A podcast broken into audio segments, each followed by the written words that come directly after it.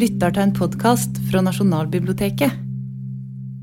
Det er jo da kjempefint å få være med i serien 'Fantastiske framtider'. Selv om akkurat i denne filmen så har vi innhenta framtiden. Handlingen er jo lagt til november 2019 i Blade Runner, så nå er vi der. Jeg skal begynne med å presentere filmen, men det skal jeg gjøre svært kort. Dette er en film som ble laga i 1982. Det var akkurat akkurat da digitale effekter begynte å komme inn i filmkunsten, men ikke i Blade Runner. Den er laget helt ikke-digitalt. Og den utrolige fine åpningssekvensen den er laget ved hjelp av bygde modeller. Seks eller var det tolv tommer høye modellhus. Og ekstremt godt lyssetting og kamera og filmbehandlingshåndverk. Så det finnes ikke noe digitalt her. Altså, det finnes eh, etter ifølge noen forskere minst sju versjoner av Blade Runner. Og Det eneste jeg skal si om dem her, er at her, hvis dere ser en som heter Theatrical Release det, Den ble laget i sånn panikk fordi ingen av prøvepublikum likte den første versjonen. Så da la de på en voiceover av Harrison Ford, og så la de en helt ny slutt der de vandrer, Rachel og og Deckard vandrer i vei på fjellvei i solskinn, og Rachel har ingen sluttdato, får vi plutselig høre, osv. Den versjonen er pussig nok den som Hvis dere går hjem og slår på Netflix, så er det den versjonen som vises. Jeg sjekket det i går, så det er helt sikkert sant. Men det er ikke en versjon som noen likte. Den fikk dårlig mottakelse av kritikerne også. Men også finnes det forskjellige andre, og de to siste, altså The Director's Cut og The Final Cut, de er nokså like, men i The Final Cut så redigerte de litt. altså Directors Cut hadde også fremdeles litt sånn kontinuitetsproblemer. og En kunne se noen vaiere som holdt oppe flybiler og litt sånt. Men uh, The Final Cut er jo den man burde se for å få med seg det meste.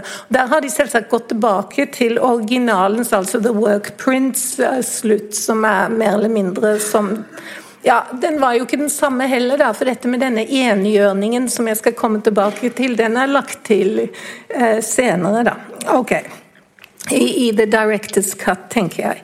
Men uh, vi kan jo få ta på oss helt i alle sånne detaljer. Så jeg skal rett og slett gå rett til saken, og det er at Blade Runner begynner med en åpningstekst, en sånn crawl, som uh, jeg skal lese i min egen oversettelse, da, for det er jo bakgrunnen. Altså, tidlig i det 21. århundre sendte Tyrell-korporasjonen robotutviklingen inn i Nexus-fasen, et vesen praktisk talt identisk med et menneske kalt replikant. Nexus 6-replikantene var overlegne i styrke og spenst og minst likeverdig intelligens med de genetiske ingeniørene som skapte dem. Replikantene ble brukt utenfor jorden som slavearbeidere i farlig utforsking og kolonisering av andre planeter. Etter et blodig opprør av en Nexus 6-kampgruppe i en ikke-jordisk koloni ble replikanter erklært ulovlige på jorden med dødsstraff. Spesielle politienheter, Blade Runner-enheter, hadde ordre om å skyte for å drepe replikanter som oppholdt seg ulovlig på jorden, så snart de oppdaget dem. Dette ble ikke kalt henrettelse, det ble kalt pensjonering. Så kan man jo diskutere hva retirement vil dere heller ha tilbaketrekning, men jeg tror det er pensjonering. Ja. Det er det vanlige amerikanske ordet for det uansett. Um, så handlingen, da. Vi er i Los Angeles november 2019. Eh, Rick Deckard, eller skal vi si Deckard, det skal jeg komme tilbake til. Um, Harrison Ford får i oppdrag å drepe fire replikanter som har kommet seg til jorden etter å ha drept mannskapet på et romskip. Nexus 6-replikantene kan være menneskene overlegne. De har derfor en innebygd selvdestruksjonsdato. Etter fire år så dør de. Uh, disse fire replikantene har kommet til jorden spesifikt for å finne ut hvordan de skal endre denne sluttdatoen. Altså, med andre ord, de forsøker å unnslippe døden. De forsøker derfor å ta seg inn til Eldon Tyrell, som er sjefen for Tyrell Corporation, som jo har laget Nexus 6-roboten, um, eller hva vi skal kalle dem. De kom, når de endelig kommer fram, så sier opprørslederen Roy i The Final Cut I want more life, father. Men i, alle, i den første versjonen så sa han ikke 'I want more life, father'. Han sa I want more life, fucker. Og Spørsmålet er hvilken foretrekker dere? Der kan dere bruke veldig mye tid på å diskutere det, om dere vil. Hos Tyrell så um, møter da Deckard Rachel og tester henne. De har en sånn, Dere så nærbildene av øynene ikke sant, I, i denne åpningsscenen. Og det, De har en maskin som de kaller Voigt Kampf-maskinen som måler pupillreflekser idet eh, replikanten svarer på spørsmål som egentlig skal ha noe med emosjoner å gjøre, men selv om det er vanskelig å skjønne ut fra det en hører i filmen. Og etter veldig mye strev så klarer Deckard å finne ut at Rachel er en replikant, men hun vet det ikke selv. Det er veldig viktig. Deckard forteller Rachel at det hun trodde, altså dette er litt senere, var hennes personlige minner, er inopererte rindringer unge fra Tyrells niese. Etter hvert så utvikler det seg da selvsagt et kjærlighetsforhold mellom de to, men episoden der de har sex for første gang er veldig omdiskutert, fordi den godt kan oppfattes som en voldtektsscene. Den begynner i hvert fall med en voldelig eh, begynnelse, der Deckard forhindrer Rachel fra å forlate uh, leiligheten. Og så er det ikke tilfeldig da at eh, i den Directors Cut og senere så er det slik at etter at han har truffet Rachel, så drømmer Deckard om en enhjørning, noe han ikke gjorde i den første versjonen. I sluttscenen, etter at alle de fire replikantene er døde, så går Deckard tilbake til leiligheten der han finner Rachel. De flykter ut av bygningen sammen, og der utenfor døren så finner Decker en liten origami-enhjørning. og Den viser at uh, politisjefens assistent, som er liksom sjefen for Decker, han har vært der, han heter Gaff. Deckard nikker ettertenksomt og hører ekkoet av Gaffs siste ord til ham. Too bad she won't live, but then again, who does? Altså, synd at hun ikke kommer til å leve, men den men så hvem gjør egentlig det? Og så slutter filmen der. Blade Runner-fans og akademikere, absolutt alle, diskuterer stadig vekk om enhjørningsmotivet viser at Deckard også er en replikant. Eh, for betyr ikke dette at um, at Gaff vet at Deckard har drømt om en enhjørning, akkurat som Deckard vet hvilke minner Rachel har, fordi de ligger på en harddrive et sted. Um, mot dette så kan en hevde at Gaff har laget andre symbolske origamifigurer for Deckard. F.eks. så lager han en kylling, en chicken, som når Deckard forsøker å unngå å ta på seg oppdraget. og Det betyr jo et symbol for feighet. Og enhjørningssymbol er jo et vanlige symbol, iallfall i USA. De sier 'that's your unicorn', sier de. Altså, Det er jo et symbol på det fantastisk umulige, troen på, og her er det troen på at Deckard kan få et liv med Rachel. Um, Deckards, Deckard ødelegger jo enhjørningen, og så nikker han langsomt og ettertenksomt. Betyr det at han skjønner at Gaff har vært der og latt Rachel leve? Til å begynne med så ser vi jo han lytter etter pusten hennes. Er hun død eller levende, er jo spørsmålet som er veldig vesentlig for hele filmen. Og så hører vi da ekkoet av 'Too bad she won't live, but then again who does'? Jeg har ikke tenkt å slutte meg til noe som helst her, bortsett fra jeg vil si at Ridley Scott har sagt, altså regissøren har sagt at på et tidspunkt så tenkte de at Deckard skulle være replikant selv. Men det betyr, altså De tenkte på å gjøre det slik, men det betyr jo ikke at de faktisk gjorde det. Og Harrison Ford har alltid vært helt overbevist om at Deckard ikke var replikant. Så kan dere jo tenke liksom videre på det selv. Etter mitt syn da, så gir filmen ikke noe entydig svar på spørsmål. Det går an å konkludere i forskjellige retninger her. Men selv så mener jeg da at filmen blir dypere og bedre om vi antar at Deckard er et menneske som forholder seg til replikanter. Det skal jeg forklare om et sekund. Men vi kan gjerne anta at han er et menneske som begynner å spørre seg selv om han virkelig vet at han er så vesensforskjellig fra replikantene. Og gjerne et menneske som konkluderer med at han slett ikke kan være sikker på at svaret er ja. Um, og hvorfor jeg mener det, skal jeg komme tilbake til. Ehm, men som sagt, jeg foretrekker å tenke på ham som et menneske som etter hvert begynner å lure på om det gir ham noen privilegier i det hele tatt, men det skal jeg altså komme tilbake til. Når det gjelder mottakelsen, så fikk den da dårlige kritikker i 82, og jeg har ikke tid til å komme inn på det. Og Den akademiske mottakelsen er jo helt overveldende. Det finnes så mange bøker og artikler om Blade Runner at omtrent ikke er måte på det. Men jeg kan ikke si at jeg har lest alle, men jeg kom ut fra biblioteket med omtrent 15 bøker, og det syns jeg var nok, liksom.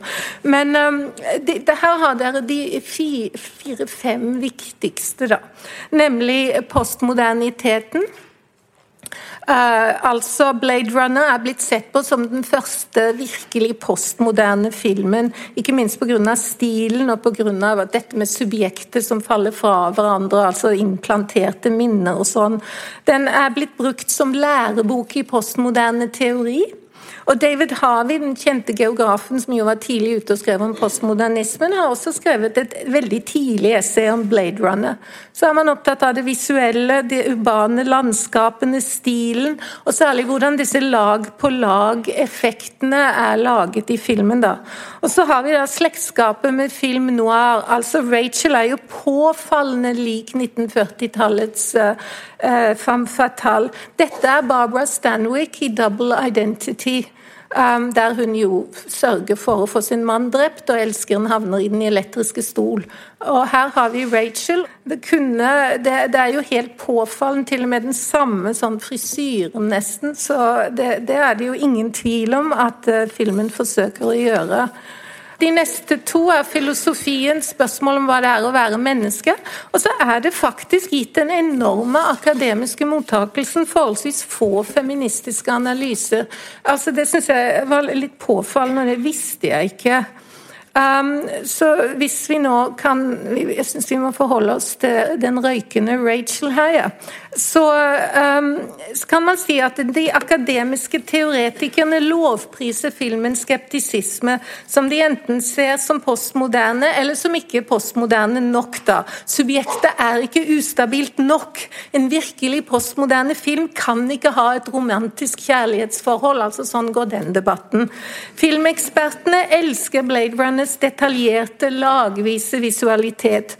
Kulturteoretikerne er betatt av det de kaller den systematiske utforskningen av science fiction-rommet, eller det modernistiske byrommet, eller det postmoderne byrommet. Og Postmodernistene elsker den konsekvente såkalte retrofittingen. altså At det de har gjort i Blade Runner for å skape en framtid, er å ta fortidens designuttrykk og legge ting til den. Det gjør de med f.eks. disse flyvebilene. Ser ikke noe sånn ultramoderne ut. De er sånne flotte 1930-talls biler med en masse sånn ekstra. Så det er liksom retrofitting. Du tar en gammel modell, og så legger du på nye og nye lag. og det er veldig sånn lagvis visualitetsoppbygging i denne filmen. Um, og uh, ja, og det, det, gjelder jo også gatebildene, da, der du har veldig mange av disse neonskiltene fra film noir, men i sånn endte potens. Det er liksom hundre av dem, og noen er sånn talende geishaer på skyskraper og sånn, men det er liksom det samme bildet, men utviklet mer. Og selvsagt så krangler absolutt alle som skriver om denne filmen, om hvorvidt Deckard er en replikant eller ikke, og argumenterer intenst for eller mot, eller på begge deler, eller noe sånt. Ganske få da snakker om motsetningen mellom filmens utfordrende og inkluderende syn på menneskelighet og dens tradisjonelle kvinnesyn. Altså, mitt, og Det er mitt emne i dag. og For å si det veldig kort, så er vel mitt argument her noe sånt noe som at filmen tenker dypt og utfordrende omkring hva det er å være et menneske. Og så tenker den nesten ikke i det hele tatt på hva det er å være en kvinne. Altså, Den har så mye tanker, og den er så dyp og den er så spennende når den stiller spørsmålet hva er et menneske. Men den var en kvinne Nei, det bryr den seg ikke om, tror jeg. Så det er der den spenningen oppstår for meg i denne filmen.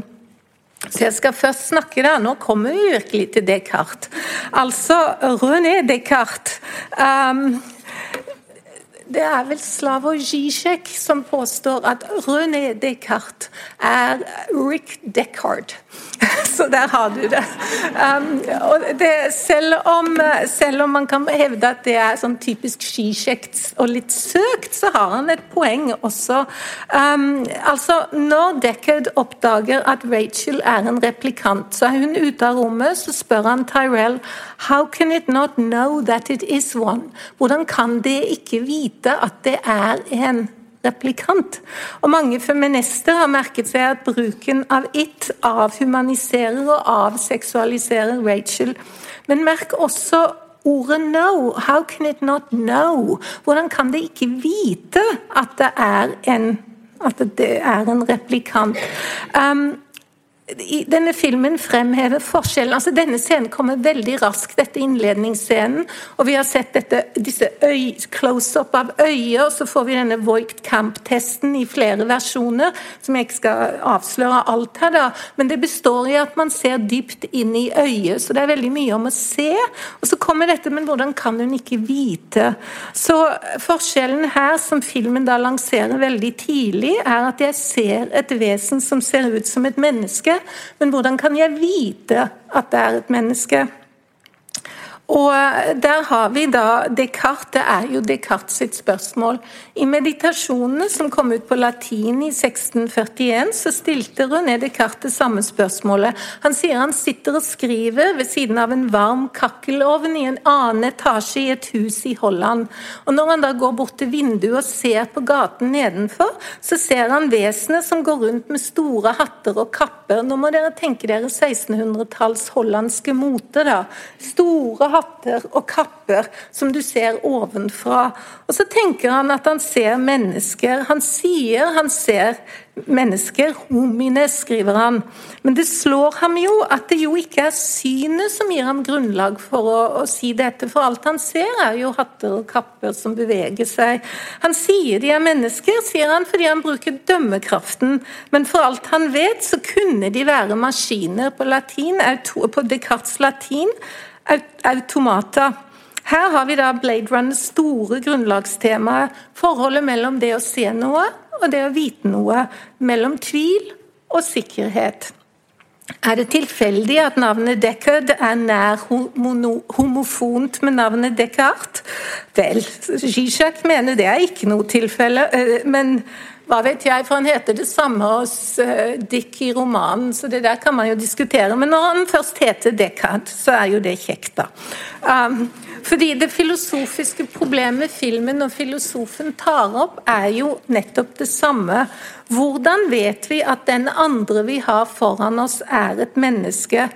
Og hvordan vet vi at hun ikke er det? Hva slags bevis er det vi bygger på i hverdagslivet når vi går rundt og behandler hverandre som mennesker? Og hva skjer om vi tar feil her? Rachel spør jo Deckard om han noen gang har skutt et menneske, om han alltid er så sikker på at de han skyter er de riktige liksom replikantene. Men Blade Runner mener jeg går lenger enn Descartes. Descartes er jo også berømt for å ha ment at det er helt umulig å tvile på sin egen eksistens. Selv når vi forsøker å tvile på alt, kan vi ikke tvile på at vi tviler, mente jo Descartes.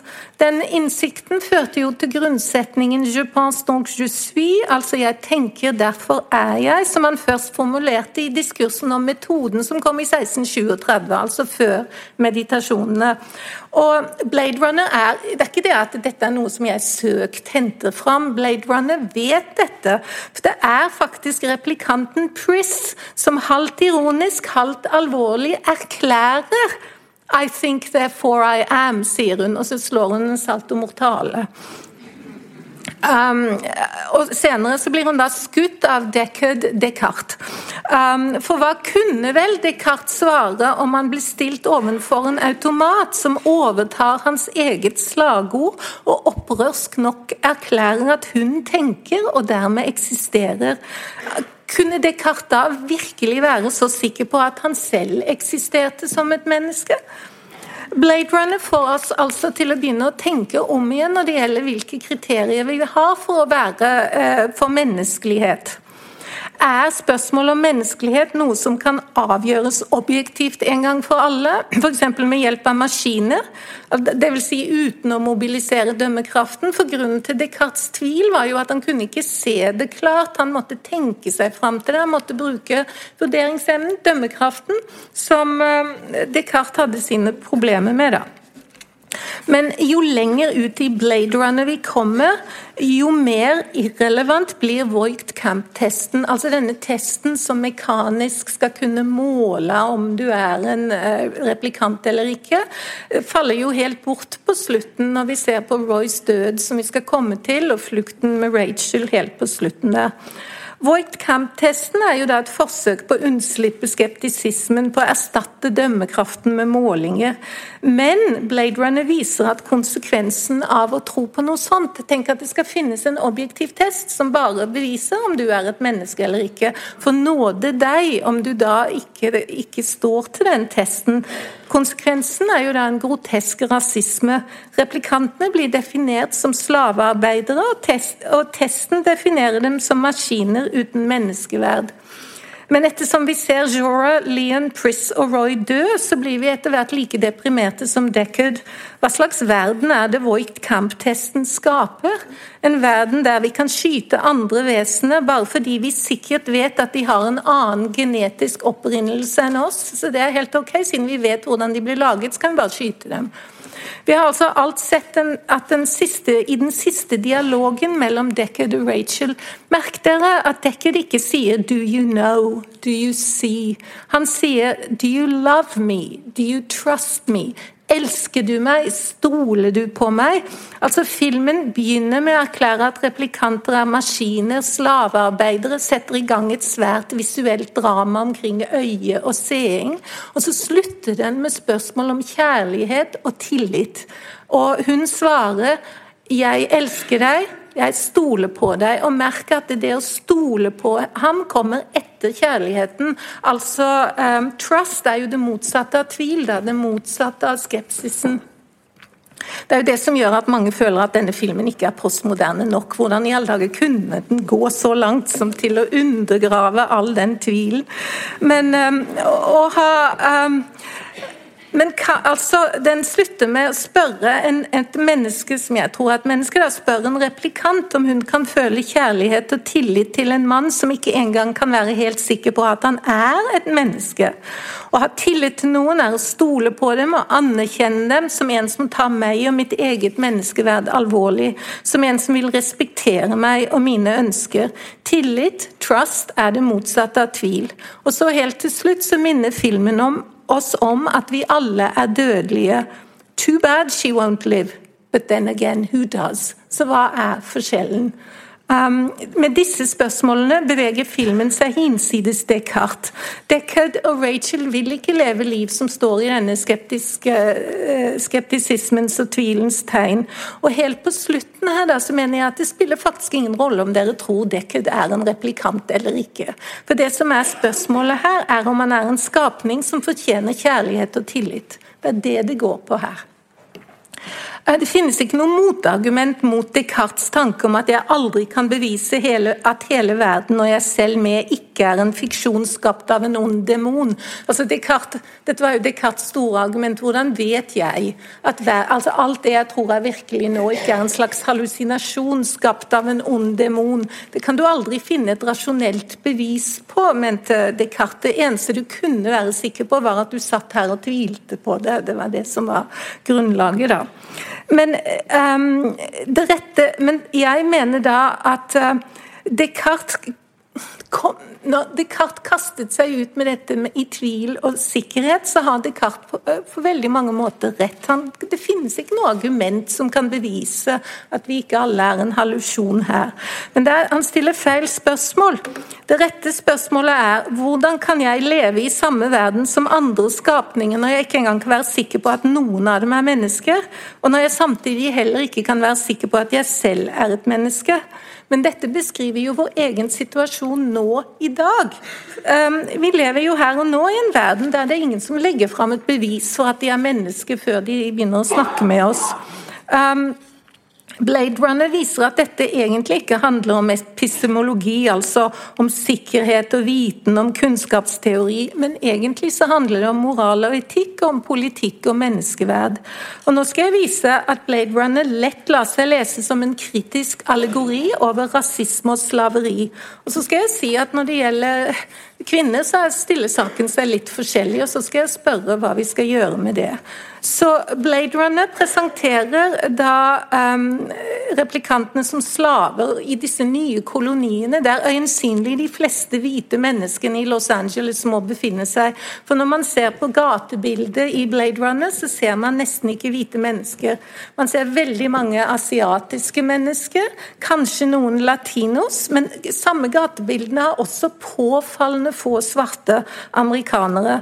Og Det går an å tenke at de svarte menneskene er borte fordi filmen plasserer replikantene, og særlig da den nesten aggressivt hvite Roy Batty, i samme posisjon som, um, som svarte amerikanere historisk sett har hatt. Nå, det, og skal vi se hva, hva, det innebærer. Altså Mot slutten av filmen så brekker Roy Batty fingrene på Deckard, og så henger Deckard ut over avgrunnen på kanten av en skyskraper etter fingertuppene. Og da sier Roy Quite an experience to live in fear, isn't it? That's what it is to be a slave. Altså litt av en erfaring å leve i frykt, er det ikke? Det er det det er, det, det er å være en slave. Altså replikantene um, er laget for å hjelpe hvite mennesker til å kolonisere en ny verden. Så parallellen til den historiske erfaringen til svarte i Amerika er jo helt eh, påfallende. I Blade Runner så utsettes replikantene da for ekstrem rasisme. Sjefen til Deckard kaller replikantene 'skin jobs' hud, hva skal vi kalle dem, hudjobber. Et skjellsord som ligner på N-ordet. Han ser ingen problemer med å pensjonere dem, som han sier. Um, så, men her stiller filmen oss på en sånn skarpt spørsmål. Er en slave et menneske? I vår verden antar jeg at svaret er et selvsagt ja. Men det er likevel vanlig å hevde at slaveeiere benekter slavenes menneskelighet. Det pleier man jo å si. Men som Stanley Cavell noterer i The Claim of Reason, så er ikke det en helt riktig formulering. Slaveeierne i sørstatene under slaveriet visste utmerket godt at slavene var mennesker. De lot dem gjøre husarbeid, dyrke bomullsmarkene, ta seg av dyrene på plantasjen, brukte dem til seksuelle adspredelse, lot seg servere av dem, lot dem passe barna sine sine, lærte dem opp i kristendommen osv. Alt dette viser at de utmerket godt visste at de hadde med mennesker å gjøre. Det er jo nettopp det som er det grusomme, at det nettopp er mennesker, andre mennesker, de velger å behandle som eiendom. Og For å rettferdiggjøre seg selv så innfører slaveeieren en ny tanke, nemlig tanken om at ok, er, kanskje de er mennesker, men det finnes kategorier av menneskehet.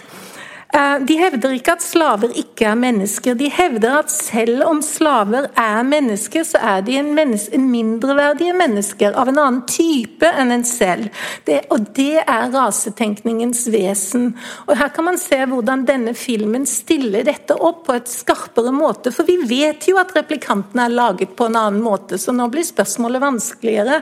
Det er ikke sånn at du bare kan si at selvsagt er de mennesker, og det bare er hudfargen, og hudfarge er jo bare et historisk fenomen. Her har vi utgangspunktet er at de er laget på fabrikker, eller hvordan de nå har laget dem. Men likevel, da. Eh, kan du nå bare rettferdiggjøre enhver form for rasistisk mishandling bare fordi du vet det? Blade Runner gjør det klart at replikantene er minst like menneskelige som menneskene. Og um, Roys siste avgjørende monolog er eksistensiell og poetisk. Før denne dødsscenen dere kommer til å se en veldig raskt bilde av en hånd med en spiker gjennom seg, men han driver altså en spiker gjennom håndflaten sin med klare henblikk på Kristi korsfestelse. I alle fall, slik jeg ser filmen, som er Roys død tragisk, og den er jo sånn overutstyrt med kristne symboler av forskjellige typer, eh, duen osv. Dessuten så gir han lyrisk uttrykk for sine erfaringer, noe den uartikulerte Deckard aldri ville ha klart. Roy redder Deckett, selv om han nettopp har skutt kjæresten Pris og Jorah også. denne dødsscenen Vi har jo da spikeren gjennom håndflaten, og når han har gitt opp ånden, så flyr denne hvite duen opp fra kroppen mot en bakgrunn der i noen vinkler så danner bygningen og lyskasteren et kors. Altså en replikanthater ville legitimere alle drapene ut fra en tanke om at ja, de, en, de er replikanter, de er ikke ekte mennesker, så skyt i vei. Men Blade Runner mener jeg vil ha oss til å tenke om igjen. Når Roy redder Deckard, så er det vanskelig å forstå at det er Roy som er den minst empatiske og minst menneskelige av de to. Når vi ser Roys død, så må vi spørre oss selv hvor avgjørende er egentlig dette med opprinnelsen? Hva legitimerer egentlig vold og, og drap mot replikanter? Er det slik at Void Camp-testen alene er grunn nok til å bare skyte dem når man ser dem? For rasistene i filmen um, er det selvsagt at replikantene er de andre. Men filmen spør når de først er der og står overfor oss, og vi står foran dem, står ansikt til ansikt med dem, hva ser vi? Vi ser et intelligent, sansende vesen i en menneskekropp. Hva legitimerer dødsstraff for dem og ikke for oss? Om Wittgenstein har rett i at menneskekroppen er det beste bildet på menneskesjelen, hvorfor nekter vi da å tro at Royal Priss kunne ha en sjel? Priss sier det jo, jeg tenker, derfor er jeg. Um, Slavearbeiderne i Blade Runner kommer til jorden for å overvinne døden. De vil ha mer enn de fire årene de er programmert til å ha. Men det er jo ikke noe umenneskelig ønske. Vi er jo også programmert til å ha en begrenset tid. Den er kanskje bare litt lenger sånn i gjennomsnitt, men likevel så har menneskene alltid ønsket seg nettopp det samme som replikantene, nemlig mer liv. Filmen gjør Roy til en Kristusfigur, en frelser. Men hvem er han da kommet for å frelse? Replikanten eller menneskeheten? Svaret er iallfall ikke entydig. Men den dystopiske menneskeheten vi ser i Blade Runner, kan sannelig trenge til en del frelse. Um, og En kan godt lese filmen dit hen at Deckard flykter fra det gift infiserte samfunnet sammen med Rachel som en direkte konsekvens av Roys død. Når vi ser sluttscenen, så kommer han tilbake fra å ha sett dette. Og Vi ser at Deckard ikke sier noen ting her. hans oppgave er å være vitne. Han skal se dette, og så bærer han det med seg. og Resultatet er at han tar med seg Rachel og, og forsvinner ut av dette av Blade Runners depressive univers. Så da har jeg altså lagt vekt på det som jeg synes er filosofisk utrolig interessant i Blade Runner, som gjør at jeg synes, i tillegg til det visuelle og det estetiske osv., at jeg synes dette er et mesterverk av en film. Um, det er da utforskningen av skeptisismen og den utfordringen denne filmen har til den kartesianske tradisjonen, og at det går an, så lett går an å lese den som en allegorisk kritikk av rasistisk tenkning, f.eks. Dessverre så mener jeg det er samtidig samtidig, og helt samtidig at filmen ikke gjør noen ting for å inspirere til nytenking om kvinnenes stilling i menneskeheten. Vi kan jo begynne med å se om Blade Runner klarer Bechdel-testen som ble oppfunnet av Alison Bechdel. Det setter opp tre kriterier. Eh, må ha minst to kvinner, de må snakke med hverandre om noe annet enn en mann. Og Blade Runner da stryker jo da totalt klart, for de, den har tre kvinner, men de snakker aldri med hverandre. Det finnes ikke én samtale mellom to kvinner i denne filmen. Ferdig med det. Så nå kan du jo mot det godt argumentere med at det er omtrent ingen som snakker med noen i denne filmen. Det, det vil være motargumentet. Det vil jeg til en del uh, gjerne akseptere, men likevel. Um, alle de tre kvinnene er Zora, Pris og Rachel er replikanter. Mennene i filmen er enten replikanter eller mennesker. Zora og Pris fremstilles tradisjonelt stereotypiske som henholdsvis falliske. Dette er Zora som opptrer naken med en slange, en pyton altså Hvis dere ikke tror at dette er en sexistisk klisjé, så vet jeg ikke hva jeg skal si. Um, og så Pris, som hun fremstilles som en dukke, og det er veldig interessant. Det er veldig sånn Hoffmanns eventyropplegg med Olympia, for hun forkler seg på et tidspunkt som en dukke blant, i et dukkeverksted da, for å unnslippe Deckard, som kommer for å drepe henne. Men, her, her, men, man kan ikke si at hun er averotisert, akkurat. Så um, hun um, Rachel er jo da mer en sånn uh, tvetydig film noir-karakter. kunne se ut som en femme fatale, men vise seg å være et offer. da. Um, Filmen har jo da også et klart fallisk og destruktivt morstema. Det er noe som en, noen feminister har skrevet veldig bra om. Altså, Til å begynne med så er det Deckards kollega Holden som blir skutt av replikanten Leon. Men det, han gjennomgår denne uh, testen, og så sier Holden, da. Nå har jeg noen spørsmål om din mor. Og så svarer Leon 'Let me tell you about my mother'. Og så skyter han liksom, så helt plaffer han ned. Rachel har et bilde av seg selv med sin mor. Og Når Pris kjemper for livet mot Deckard, så fanger hun hodet hans mellom lårene i en helt sånn grotesk fødselsparodi. Mannens hode som så å si droppes ned på gulvet fra, mellom beina hennes. Eh, jeg vil påpeke altså, Jeg har virkelig prøvd, men jeg klarer ikke å finne den dypt subversive feministiske lesningen av den scenen der. Eh, det, det, det, altså, det måtte jo være alternativ, ellers vil jeg påstå at det er her filmen liksom eh, bare slutter å tenke så dypt som den gjør på veldig mange andre områder. Um, og Nå skal jeg ikke gå gjennom det med spørsmål om er det voldtektsinngang til forholdet mellom Roy og nei, mellom uh, Deckard og Rachel, fordi det er iallfall klart at uh, Rachel, Deckard forhindrer Rachel med vold fra å forlate leiligheten, men så for, forandrer filmen seg til en slags saksofonmusikk, og det er veldig tydelig at dette framstilles som ønsket av kvinnen på en måte som eh, kanskje gjør hele saken mer problematisk enn om den framstilte den som det var ren vold. Da. Men eh, vi skal ikke se den scenen, for da blir vi ikke ferdige.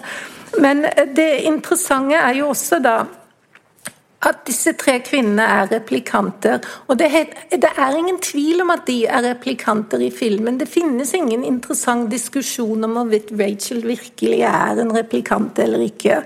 Kampen mellom Roy og Decker får oss, får oss til å stille spørsmål om grensene for det menneskelige. Mennene representerer menneskeheten, mens kvinnene bare representerer kvinneligheten. Det er jo det som er det sånn typiske for den patriarkalske tradisjonen for Blade Runner blir da enda et av de mange tusen eksempler på noe Beauvoir påpekte alt i 49, nemlig at i et patriarkalsk regime så er kvinnen aldri den ene, aldri subjektet, aldri malen som definerer um, saken. Mannen representerer mennesket, han er den ene, hun er avviket, det relative den andre. Og Det kan man jo se her i den berømmelige altså Menneskekroppen som representerer menneskesjelen i vår tradisjon, er alltid mannen. Enten det er Leonardo da Vinci eller Kristi kropp på korset eller Roy Battis døde kropp i Blade Runner. Det er ikke Pris sin døde kropp som stiller spørsmålet om er dette et menneske eller ikke. Kort sagt så er Blade Runner en radikal utforskning av menneskelighetens grenser. Den oppfordrer oss til å se på på replikanter som mennesker. Den er radikalt kritisk til rasetenking, men den bruker ikke kvinner til å utforske det menneskelige.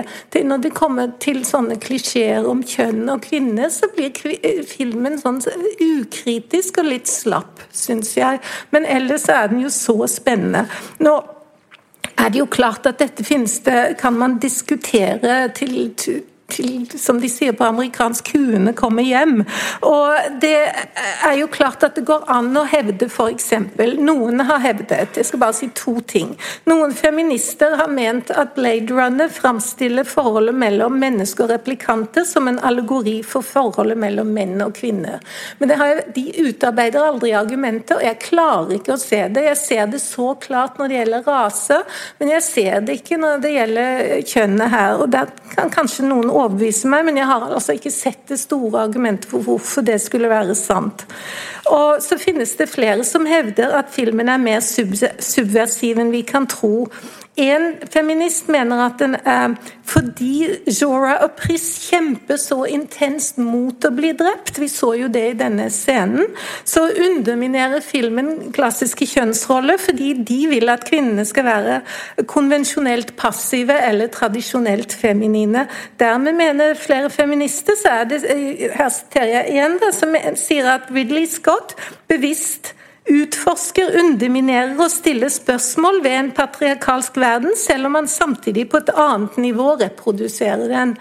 Men det syns jeg er å legge lista veldig lavt, for slike sånne subversjonsargumenter pleier vanligvis alltid å ta utgangspunkt i den mest sånn konservative kvinnerollen en kan tenke seg. Altså For å finne noe subversivt her, så må en ha i tankene at kvinnelighet aldri er aktiv, at alle andre kvinner ville bare legge seg rett ned og dø. Og det, det, er veldig ofte det som skjer når man bruker dette undermineringsargumentet. Du kan underminere nesten hva som helst hvis du begynner med en norm som er så konservativ at ingen lever opp til den lenger. Altså, jeg vil da gjerne bare si at jeg mener det er på tide å minne om at et, enten den underminerer eller ikke tanken om at kvinnen er rent passiv, så vil jeg gjerne minne om da at et genuint ikke-sexistisk verk faktisk ikke trenger å undergrave seg selv. Den kunne bare være ikke-sexistisk, så ble vi ferdig ferdig med det. Um, så skal jeg avslutte da med hva skal vi gjøre med dette? Hva, hva er vår egen sexisme her? Um, altså for, uh, hvordan bidrar vi til å holde denne her sexistiske tradisjonen i live? Hva skal vi gjøre når vi forholder oss til det som jeg mener er et mesterverk? Altså, for det første, det er ikke noe uvanlig problem. Blade Runner er jo bare ett eksempel blant utallige andre i vår kulturarv. Jeg, jeg, jeg tror nesten det er ikke mange store verk i vår kultur der kvinnene ikke, stort sett er kvinnene med for å belyse den mannlige heltens eksistensielle problemer. Det er jo det, det som er problemet. Da. Men om vi skal finne Så, så jeg kan ikke si at jeg syns Blade Runner er noe spesielt graverende eksempel. Det, det mener jeg ikke.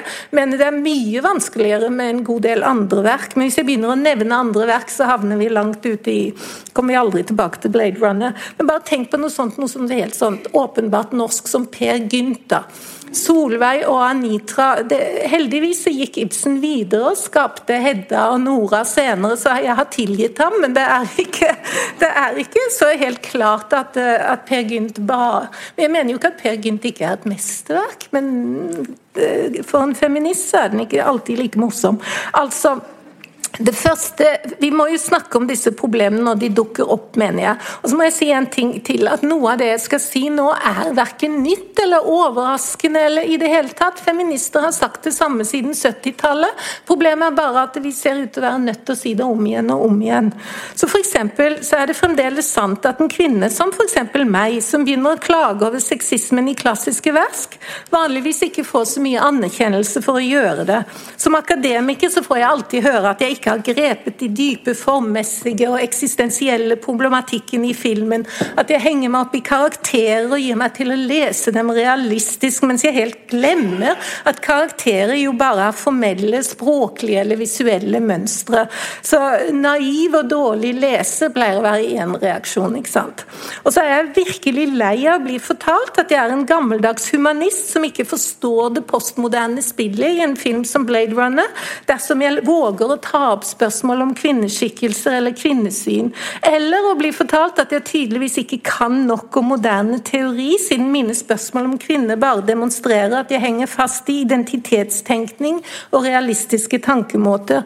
Jeg mener at slike sånne teoretiske motsvar, som jeg også mener er veldig dårlig teori, da, men det er jo noe annet, um, slike responser er forsøk på å unngå den feministiske problemstillingen, er derfor i seg selv sexistiske. De skal få oss til å snakke om om noe annet, eller få oss til å føle oss mindreverdige dersom vi tar opp spørsmålet. Om mine spørsmål er så teoretisk ukorrekte, så kan vel teoretikerne selv heller legge fram en nye og bedre måter å diskutere kjønnsspørsmålet på. Men som oftest vil ikke det, de vil heller skifte tema. Men la oss si at vi merker oss kjønnsproblematikken i Blade Runner. Um, så hva så våre muligheter? Vi kan jo forkaste verket, si at vi må forbigå det i taushet. Det har jeg jo ikke gjort med Blade Runner, da, så det kan jo ikke være løsningen her i dette tilfellet. Vi kan ikke forkaste Blade Runner, for da måtte vi Den er jo ikke Jeg skal komme til at jeg ikke syns den er så graverende sexistisk.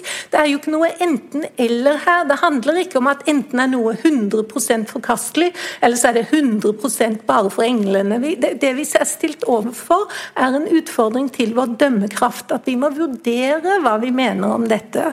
Så når det gjelder det å få forkaste Blade Runner, så må vi da måtte vi forkaste det meste av verdens kultur fram til i dag. Vi kan jo ikke som kvinner gjøre oss selv kulturløse i ren avsky for sexismen. For kvinners subjektivitet og syke er jo også formet av den kulturtradisjonen vi nå ønsker å kritisere.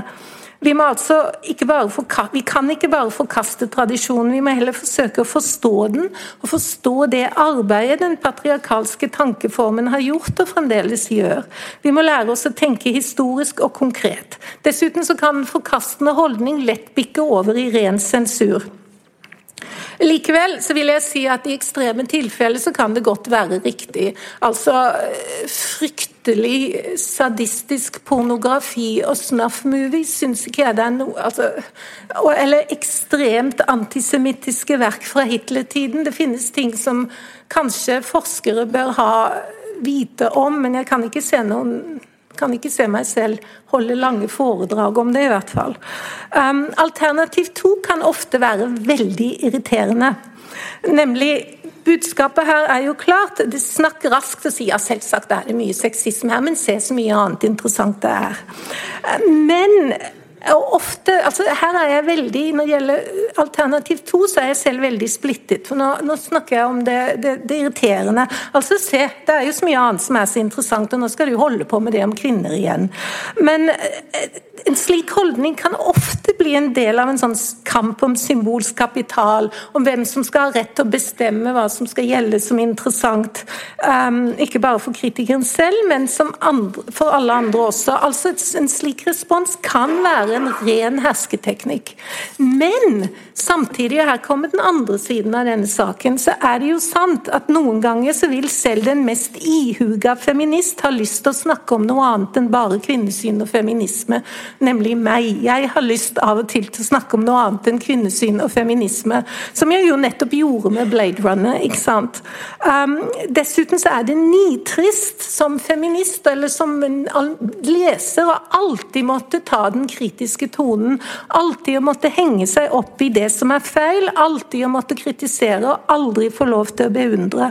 Feminister har absolutt ingenting å vinne på å la seg fange i en slags sur, depressiv, kritisk tvangstrøye. Så Dermed så er jeg altså Jeg liker ikke den proforma forkastningen av sexismen, men jeg vil heller ikke sperres inne i en getto det alltid skal være min jobb å snakke om sexisme. Det syns jeg vi kan dele på både kvinner og menn. Um, så har vi da alternativ tre. det er jo ofte viktig å bruke tid på hva det er som gjør at en oppfatter verket sexistisk. Og um, selvsagt så kommer det da noen ganger i konflikt med min irritasjon over å måtte holde på med dette igjen. Så her er altså, Jeg prøver å vise hvor vanskelig dette er. Det er ikke sånn at jeg har det klare svaret, og nå skal vi bare ta den rette linja her. Det er faktisk et problem. Um, så hvis vi nå forsøker å ta alternativ tre, som jeg jo også delvis har tatt her i dag. Det er derfor denne forelesningen er så lang. For først må jeg snakke om det som er interessant, og så må jeg gjøre den sånn antisexistiske jobben. Så Hvis vi da tar tre, så kan vi se Nå altså har jeg vist hva det er som gjør at den virker sexistisk. Så da er spørsmålet hva skal jeg gjøre så? Um, jeg kan prøve å vise at det er feministisk eller progressivt likevel. Um, Akkurat i Blade Runners klarer jeg ikke det. Og de versjonene jeg har sett av de som forsøker å si det, er veldig lite overbevisende på meg. Men um, jeg synes jo at hvis man Men det, på noen andre verk kan det være helt den rette linja å ta. Altså Poenget er ikke her at det er bare én ting vi skal gjøre, det avhenger av verket, underlig nok. Så eh, kan vi også gjøre veldig mye mer konkret historisk arbeid enn vi ofte gjør. Forklare hva det er. F.eks. her, hvordan ble dette verket sexistisk? Vel, film noir-tradisjonen, actionfilmtradisjonen, si noe om den og hvor den har fungert. Hollywood Hollywood på 1980-tallet. Masse en kan snakke om her som kunne være veldig interessant, og forklare hvordan dette skjedde. Og Det oppfordrer da til konkrete historiske analyser. Og så kan man jo eh, se hvordan eh, sexismen påvirker de andre elementene i verket. Og her Når det gjelder Blade Runner, så håper jeg at jeg har vist at det, den blir liksom stående isolert som en slags liten strandet øy i en film som ellers er så spennende og interessant. Jeg klarer liksom ikke å knytte disse kvinneframstillingene tilbake til de interessante eksistensielle framstillingene. og Det, det er jo også interessant, syns jeg. Og så kan vi jo da vise som, um, at i noen tilfeller så mener vi at verket er så sterkt, så overveldende, at vi kan se at våre feministiske forbehold kanskje blir litt små i forhold til de store linjene som vi er opptatt av. Det sier jeg heller ikke alltid altså Det ville være helt forferdelig å si at det var alltid sant. for F.eks. så er jeg allergisk mot Hamsuns Victoria. Det er Ingenting kan unnskylde Victoria i mine øyne. Eh, men når det gjelder Blade Runner, så, eh, så mener jeg faktisk at hva skal vi si, Da skulle vi begynne med en sånn prosentskala. 100% sexistisk, 0% sexistisk. Jeg havner vel på en sånn vet ikke, 30 20, 25 noe sånt. Jeg vet ikke.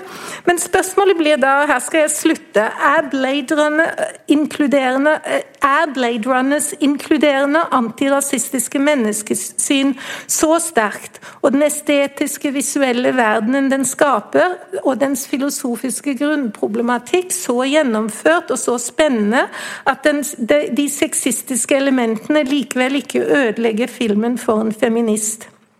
Altså Forskjellige feminister vil svare ut fra forskjellige kriterier. Den scenen med Prissys død er for meg ganske grusom. Og scenen med Zoras død er kanskje ikke fullt så grotesk, men den er også veldig problematisk for meg. Um, men, men, jeg håper likevel at til syvende og sist så har jeg forklart i kveld hvorfor jeg selv har tenkt å fortsette å undervise i Blade Runner. For meg så er og blir denne filmen et viktig verk som er til stor hjelp for de som gjerne vil få i gang en samtale nettopp om det som Nasjonalbibliotekets uh, framtidsserie handler om, kriterier på menneskelighet. Hva gjør oss til et menneske? Men jeg er ingen overdommer. Spørsmålet er jo ikke lenger hva jeg mener, men hva dere mener. Takk skal dere ha.